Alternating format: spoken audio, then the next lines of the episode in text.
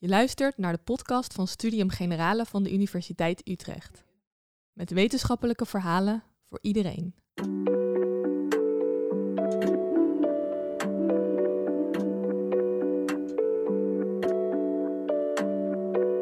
Je luistert naar het Ezelsoor.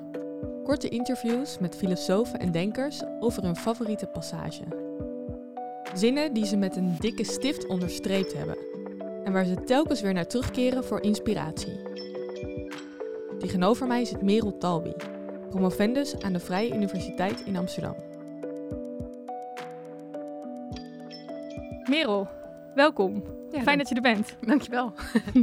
Ehm we hebben je gevraagd om je favoriete passage mee te nemen. En ik ben benieuwd eh, wat je daarin raakt of waarom meer mensen deze tekst zouden moeten leren kennen.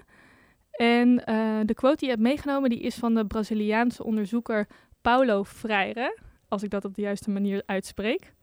G- Goeie poging.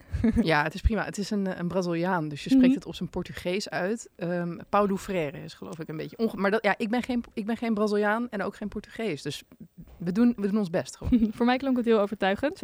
Ehm, en wie, kun je iets meer over hem vertellen? Wat was hij voor man? Ja, ehm Paulo Freire is eh, geboren in 1921, overleden in 1997. En eh, een groot figuur in de, de linkse intellectuele kringen in Brazilië. eh, wereldberoemd in Brazilië en ook wereldberoemd in de sociale wetenschappen. Waar zijn broek- boek, waar we het vandaag over gaan hebben, de, The Pedagogy of the Oppressed. Ik geloof het derde meest geciteerde werk in de sociale wetenschappen Mhm. is. Super invloedrijk. maar wat interessant is, is dat in de filosofie Freire amper gelezen wordt. Eh, dus dus daar Oh. is het echt een soort onbekende denker. Wat des te interessanter is, omdat Freire wel van huis uit, eh, en zeker ook in, het, in zijn boek De Pedagogy, waar we het zo over gaan hebben, eh, heel erg put uit filosofische bronnen. Dus hij baseert zich uitgebreid op, op Hegel, op Marx, op Sartre. Dat Mhm. boek is ook diep filosofisch. Dus het is een ontzettend filosofisch werk dat nog niet helemaal in filosofische kringen is opgepikt. Dus dat Ja. is een beetje de filosofische kant van Freire. En hoe ben jij er dan mee in aanraking gekomen? Kun je je nog herinneren wanneer je het voor de eerste keer las? Zeker, wij, ehm, wij eh, hebben het gelezen met mijn onderzoeksgroep op de VU. Eh, dus dat is, eh, dan gaan we heel nerdig een beetje bij elkaar zitten. En dan lees je elke week een hoofdstuk. En dan gaan we daar heel nerdig anderhalf uur over praten. Ehm, en dat is heel leuk, denk ik, voor ons als filosofen. Enerzijds omdat mijn eh, begeleider is Braziliaanse. En een van mijn collega's is Braziliaans. Dus, en zij lezen het ook in het oorspronkelijke Portugees. En, en dat is ontzettend leuk, omdat dat ons ook inzicht geeft in hoe die tekst vertaald is naar het Engels. Dat is het, de, de, de, taal waar ik het in lees en waar veel van mijn niet Portugees sprekende collega's Mhm. het in lezen. Ehm, en dat biedt heel veel rijkdom, maar ook omdat zij zelf zijn opgegroeid in Brazilië. Mhm. En dus heel erg hebben ervaren hoe invloedrijk Freire was in zowel dus het linkse intellectuele debat, maar ook in het onderwijssysteem van Brazilië, waar Freire echt eh, diepe sporen heeft nagelaten, wat ook eh, uiteindelijk op, critici, eh, op kritiek is komen te staan. Niet iedereen was blij met de invloed van Freire op Mhm. het Braziliaanse onderwijs. Oh ja, dus jouw collega's zijn eigenlijk toen ze nog kinderen waren al gevormd door de, eh, die, de ideeën van Freire. Eh, ik ben straks nog wel benieuwd naar hoe dat dan precies is gegaan. Maar misschien is het goed om eerst eventjes de quote erbij te pakken. Zou je misschien eh, kunnen voorlezen voor ons? Ja, het is een, een Nederlands vertaling. Ik heb het zelf vertaald. Dat is in filosofie altijd wel een, een lastig taakje, omdat het zo zit op de taal en op de concepten. Maar ik heb een poging gedaan. Het is niet super vlot, maar hopelijk wel accuraat. Ik ik lees hem voor. De wereld, niet langer iets dat beschreven zal zijn door misleidende woorden, wordt het object van transformerend handelen door mannen en vrouwen, wat tot hun humanisering zal leiden. Dank je. Kort maar krachtig. Ehm, laten we hem samen even gaan ontleden. Ehm, maar eerst, waarom intrigeert deze passage jou? Dit is een passage waar verschillende elementen in zitten ehm, die denk ik belangrijk zijn voor het boek en ook voor mijn interesse in het boek. Ehm, ik, ik lees The Pedagogy of the Pressed heel erg door een lens van dialoog Mhm. eh, en hoe we met elkaar in gesprek kunnen zijn ondanks grote verschillen. Eh, en dat dat ook verschillen zijn die gaan over politiek, bijvoorbeeld. Mhm. want, want even wat, wat achtergrond. eh, De Pedagogy of, Pedagogy of the Oppressed is eigenlijk het product van niet alleen Freire's denkwerk als filosoof, maar ook heel erg van zijn onderwijswerk. En het heet natuurlijk ook de pedagogie van de onderdrukten. Dus daar zit al een, onder, een, een element in van onderwijs, zorg, eh, grootbrengen van kinderen. Want wat is nou het, het verhaal? Eh Freire was links, een marxist. Mhm. En eh, tijdens de militaire dictatuur in Brazilië heeft hij in ballingschap geleefd, heel lang, ook in Chili. En daar, maar ook in zijn, in zijn thuisland Brazilië, heeft hij zich heel erg ingezet voor het onderwijzen van de armen, eh, de onderdrukten. Ehm, en, en wat hij daar onder andere heel erg deed, was taalles geven. Want wat je eh, moet weten over Brazilië is dat eh, destijds, en we spreken dan dus over de jaren 40, 50, ehm, om te mogen stemmen in Brazilië moest je eh, kunnen lezen en schrijven. En heel veel van de boeren aan wie hij taalles gaf, konden dat niet, waren analfabeet. Dus het feit dat hij taalles gaf aan boeren was een super politieke handeling. Mhm. Dat daardoor gaf hij deze mensen niet alleen figuurlijk een stem, zou Maar je ook kunnen macht. zeggen, maar ook macht. Ja. Precies, en letterlijk een, een stem, een politieke stem. En dat is natuurlijk een, een ongelooflijk uitdagende handeling om dat te doen. En daarom is hij dus uiteindelijk eh, in ballingschap eh, beland. Dus, dus dat is denk ik een, een belangrijk interessant eh, element van het boek, wat, Mhm. wat er helemaal in zit. Het is kritiek op macht. Het is dus ook marxistisch. Maar het gaat ook de hele tijd over dialoog en over in gesprek zijn. En hoe je als onderdrukte groep in gesprek bent met diegenen die meer macht hebben dan jij. En hoe je als onderwijzer, Freire zag zichzelf echt als onderwijzer, hoe je het gesprek aangaat met de onderdrukten. Mhm. En dat dat altijd is op basis van gelijkwaardigheid. Dus het is altijd, is de, de, de teacher, de leraar, de docent is altijd ook student. En de student is altijd ook teacher. Dus het, het is heel erg een relatie van wederkerigheid, een relatie van eh, de hele tijd met elkaar in gesprek zijn, met elkaar in contact staan. Ehm, echt het, het je, je verplaatsen in de belevingswereld van de ander. Ja. Eh, en dat, is, dat vind ik zelf een heel inspirerend en interessant perspectief, omdat wij, ik, eh, veel onderzoek doen naar juist ook deliberatie, gesprek, dialoog in een sterk gepolariseerde wereld waar we ontzettend van elkaar kunnen verschillen, ook op politiek niveau. Dus eigenlijk zeg je dat de kern eh, van zijn boek is dat je in dialoog moet gaan en dat je eh, daarin gelijkwaardig bent. Zie je dat ook terug in deze specifieke quote? Ik pak hem er even bij hoor. Als je hem even bij wil pakken. Ehm, ik zie bijvoorbeeld ehm, om te beginnen eh, de wereld die niet langer beschreven zal zijn door misleidende woorden. Ik was heel benieuwd, wat bedoelt hij met die misleidende woorden? Ja, dat is een supergoed punt. En ik denk dat dat de kern is inderdaad van die dialoog en ook dat verplaatsen in elkaar of oog hebben voor elkaars beleving. Ehm, kijk, er zitten hier natuurlijk allemaal sporen in van marxisme. Dus wat Frère gaat er heel erg van uit dat de onderdrukten, dus de boeren, de armen, ehm, deels zelf geloven dat zij onderdrukt zouden moeten zijn. Ze zijn immers, en dit, dit komt ook wel uit interviews bijvoorbeeld, of, of, of eh, citaten die in het boek staan uit Frere's eigen ervaring als docent, dat die boeren aan wie die les geeft zeggen, ja, maar wat weet ik nou? Weet je wel, ik ben maar Mhm. een simpele boer. Ik, ik heb ook niet genoeg kennis, bijvoorbeeld, om slimme, bijzondere, mooie dingen te zeggen over de politiek. En wat Frère doet door die boeren te onderwijzen, door met ze in gesprek te gaan, door ze te leren lezen en schrijven, dat deze, deze mensen zichzelf beginnen te zien als subjecten. Dus als mensen met politiek inzicht, met kennis, met macht, letterlijk en figuurlijk.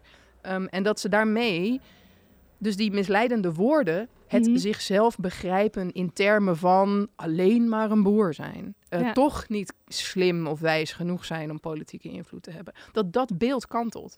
Dus die, die misleidende woorden, dat is eigenlijk de boer of de onderdrukte die zichzelf begrijpt Mhm. in termen die de onderdrukker voor die persoon gebruikt. En dat dat wordt afgeworpen. Ja. eh, dat, is, dat is denk ik waar, waar deze zin eh, op slaat. En dat heeft natuurlijk ook een, een heel sterk marxistisch component voor de liefhebber. Dus uh, het is inderdaad, ze, ze werpen zelf die misleidende woorden, die beschrijvingen over henzelf, waar ze zelf in zijn gaan geloven, die eigenlijk onderdrukkend werken, die werpen ze zich, van zich af. En waar leidt dat dan toe? Tot humanisering, staat in de quote. Wat wordt daarmee bedoeld? Ja, dat klinkt natuurlijk ook humanisering. Wat betekent dat? Um, een, een, collega van mij die gebruikt graag het, het heel moderne woord empowerment. Um, mm -hmm. En dat zit hem eigenlijk in op het moment dat de onderdrukte zichzelf begrijpt als volledig mens. Ook dus iemand die belangrijk is, bijvoorbeeld ook in het, in het werk als boer. Hoe fundamenteel dat is. Om, om letterlijk eten op tafel te brengen van anderen, maar ook als uh, politiek subject, als Mhm. burger. Mm. Dus zichzelf begrijpt en ook als denker bijvoorbeeld. Iemand die überhaupt invloed kan hebben op de wereld, die de wereld kan maken, kan transformeren. Dat is ook wat in het citaat staat. Ja. Dat is precies die humanisering. Dus het moment dat de onderdrukte zichzelf begrijpt, Mhm. ik ben helemaal niet alleen maar onderdrukt. Ik ben niet, een, ik, ben, ik ben niet alleen maar een boer. Ik maak de wereld. Ik kan de wereld maken door te spreken, door te handelen, politiek te handelen, Mhm. maar ook door gewoon mijn werk als boer te doen. Dat Ja. is denk ik uiteindelijk de, de kern. En is dat dan ook het doel van, zou dat het doel van onderwijs moeten zijn? Volgens Frère? Ja, ja dat, dit is die bevrijding, die humanisering. En ik, ik geef zelf ook veel onderwijs. En ik herken dat, dat is een van de elementen die ik zelf ook belangrijk vind in onderwijs. Uh, zowel het in dialoog zijn, altijd, mhm. en van elkaar proberen te leren. Maar ook dat, dat je toch probeert om mijn studenten dan in dit geval uh, grip te geven op de wereld om hen heen, waardoor ze zelf ook het gevoel hebben dat ze daar meer in kunnen betekenen en meer kunnen doen. Ik denk dat dat heel belangrijk is. Ja. En uh, hoe zijn die collega's van jou dan gevormd door deze filosofie in hun eigen onderwijs, wat ze hebben genoten in uh, Brazilië?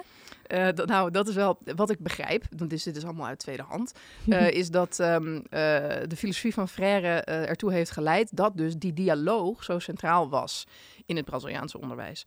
Uh, en kritisch, en dat, dat, dat je dus, nou goed, het, het, stereotype beeld, er is niet meer een docent die zegt hoe het zit. Uh, nee, we gaan de hele tijd met elkaar in gesprek. En critici van dat perspectief, mm -hmm. uh, wat een beetje natuurlijk gechargeerd is, maar, maar oké. Okay.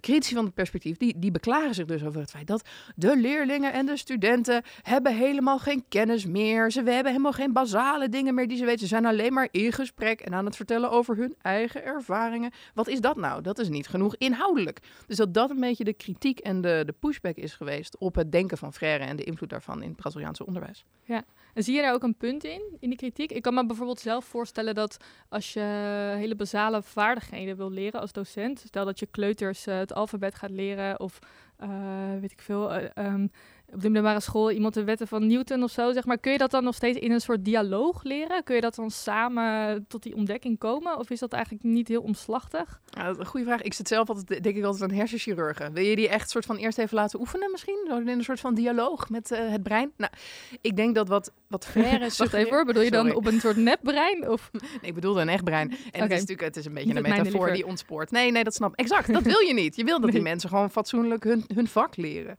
Maar ik denk dat dat een, ook een oversimplificatie is van wat Frère voorstelt. Want Frère erkent wel uiteindelijk altijd dat de docent wel zekere kennis heeft. En dat, dat die ook met die kennis naar de onderdrukten toe gaat. Dus het is niet mhm. zo dat het alleen maar gebaseerd is op de ervaringen van de onderdrukten. Het voorbeeld dat van, uit, uit de onderwijspraktijk echt van Frère is dat hij bijvoorbeeld wanneer hij de boeren uh, ging leren lezen en schrijven, dat hij heel erg begon met woorden en concepten uit de belevingswereld van de boeren of van de onderdrukten die hij les gaf. En dat daarmee aansluiten op de vragen en de noden van mm degene die je, die je onderwijst. Dat is denk ik wel belangrijk, maar dat daar nog steeds wel op bepaalde manieren een, een verschil in uh, kennis zit. Althans, op het vlak wat wordt onderwezen. Niet op alle vlakken uiteraard, maar bijvoorbeeld op taal. Uh, dat, mm dat erkent Frère volgens mij wel. Ja, dat er dus wel een, toch een licht hiërarchisch verschil in zit. Nou ja, het ligt er ook aan hoe je hiërarchie begrijpt. Als je, als je uitgaat van de leervraag, om maar even een modern woord te gebruiken, uh, van, de, van de leerling, van de student, van de onderdrukte, dan zou je kunnen zeggen, nou, die, die wil graag ook politiek handelen. Die wil ook een stem krijgen. En die wil dat doen aansluitend op zijn of haar ervaringen. Dus, dus wie heeft dan, weet je wel, waar is het startpunt van het leerproces? Ligt dat bij de docent of ligt dat bij de student? Ja. Interessant. Um, en uh, nu je dit hebt gelezen en uh, als filosoof was je er eerst onbekend mee, uh, maar nu um, heb, heb, je deze inzichten opgedaan. Je geeft zelf ook les, zei je. Um, heeft het op een bepaalde manier jouw eigen handelen in, de, in het klaslokaal veranderd? Ik denk het wel. Een van de redenen waarom ik dit zo'n interessant boek vind, is omdat het heel erg benadrukt dat je altijd in dialoog bent met degene die je beschrijft of waar je mee samenwerkt. En een van de redenen waarom ik dit een belangrijk en inspirerend boek vind, is omdat filosofen, uh, in, mijn, in mijn veld in elk geval, zijn de laatste tijd, wij werken veel aan kennis, wij werken veel aan waarheid. Dat doen filosofen traditioneel uit de leunstoel, dus zeker niet in het veld met de boeren, uh, maar vooral uh, in hun eentje op de studeerkamer. Langzaam begint er in mijn vakgebied een neiging te ontstaan om zeker wanneer we schrijven over ongelijkheid, om uh, de ervaringen bijvoorbeeld van de onderdrukten, in de woorden van Frère, te includeren. Dus om bijvoorbeeld voorbeelden uh, te gebruiken over racisme of uitsluiting.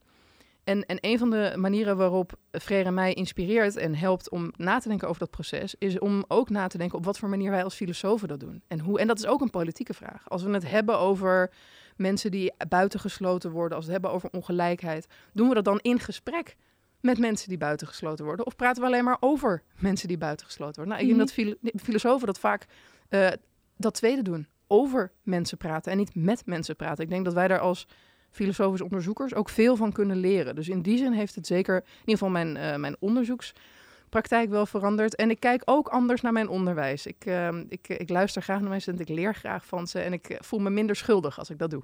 Ja, dus je probeert eigenlijk, zoals je in het begin ook zei, meer de dialoog, de gelijkwaardige dialoog aan te gaan met de onderdrukten, in de woorden van Frère. Ja, het is belangrijk, je, je, deed, je deed even uh, aanhalingstekens oh, in de lucht. bij de podcast altijd goed om even erbij te zeggen, inderdaad.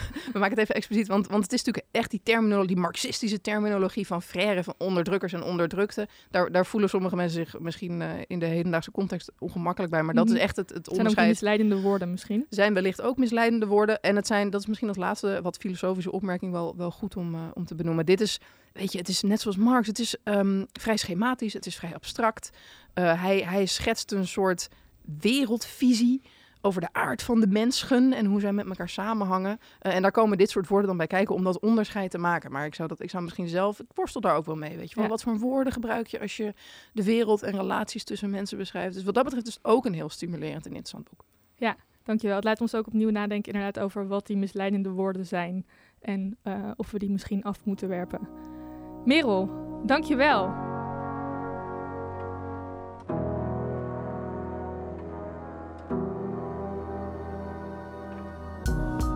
Je hoorde een aflevering van de podcast van Studium Generale. Benieuwd naar meer afleveringen? Ga naar sg.nl/podcast of abonneer je op je favoriete platform.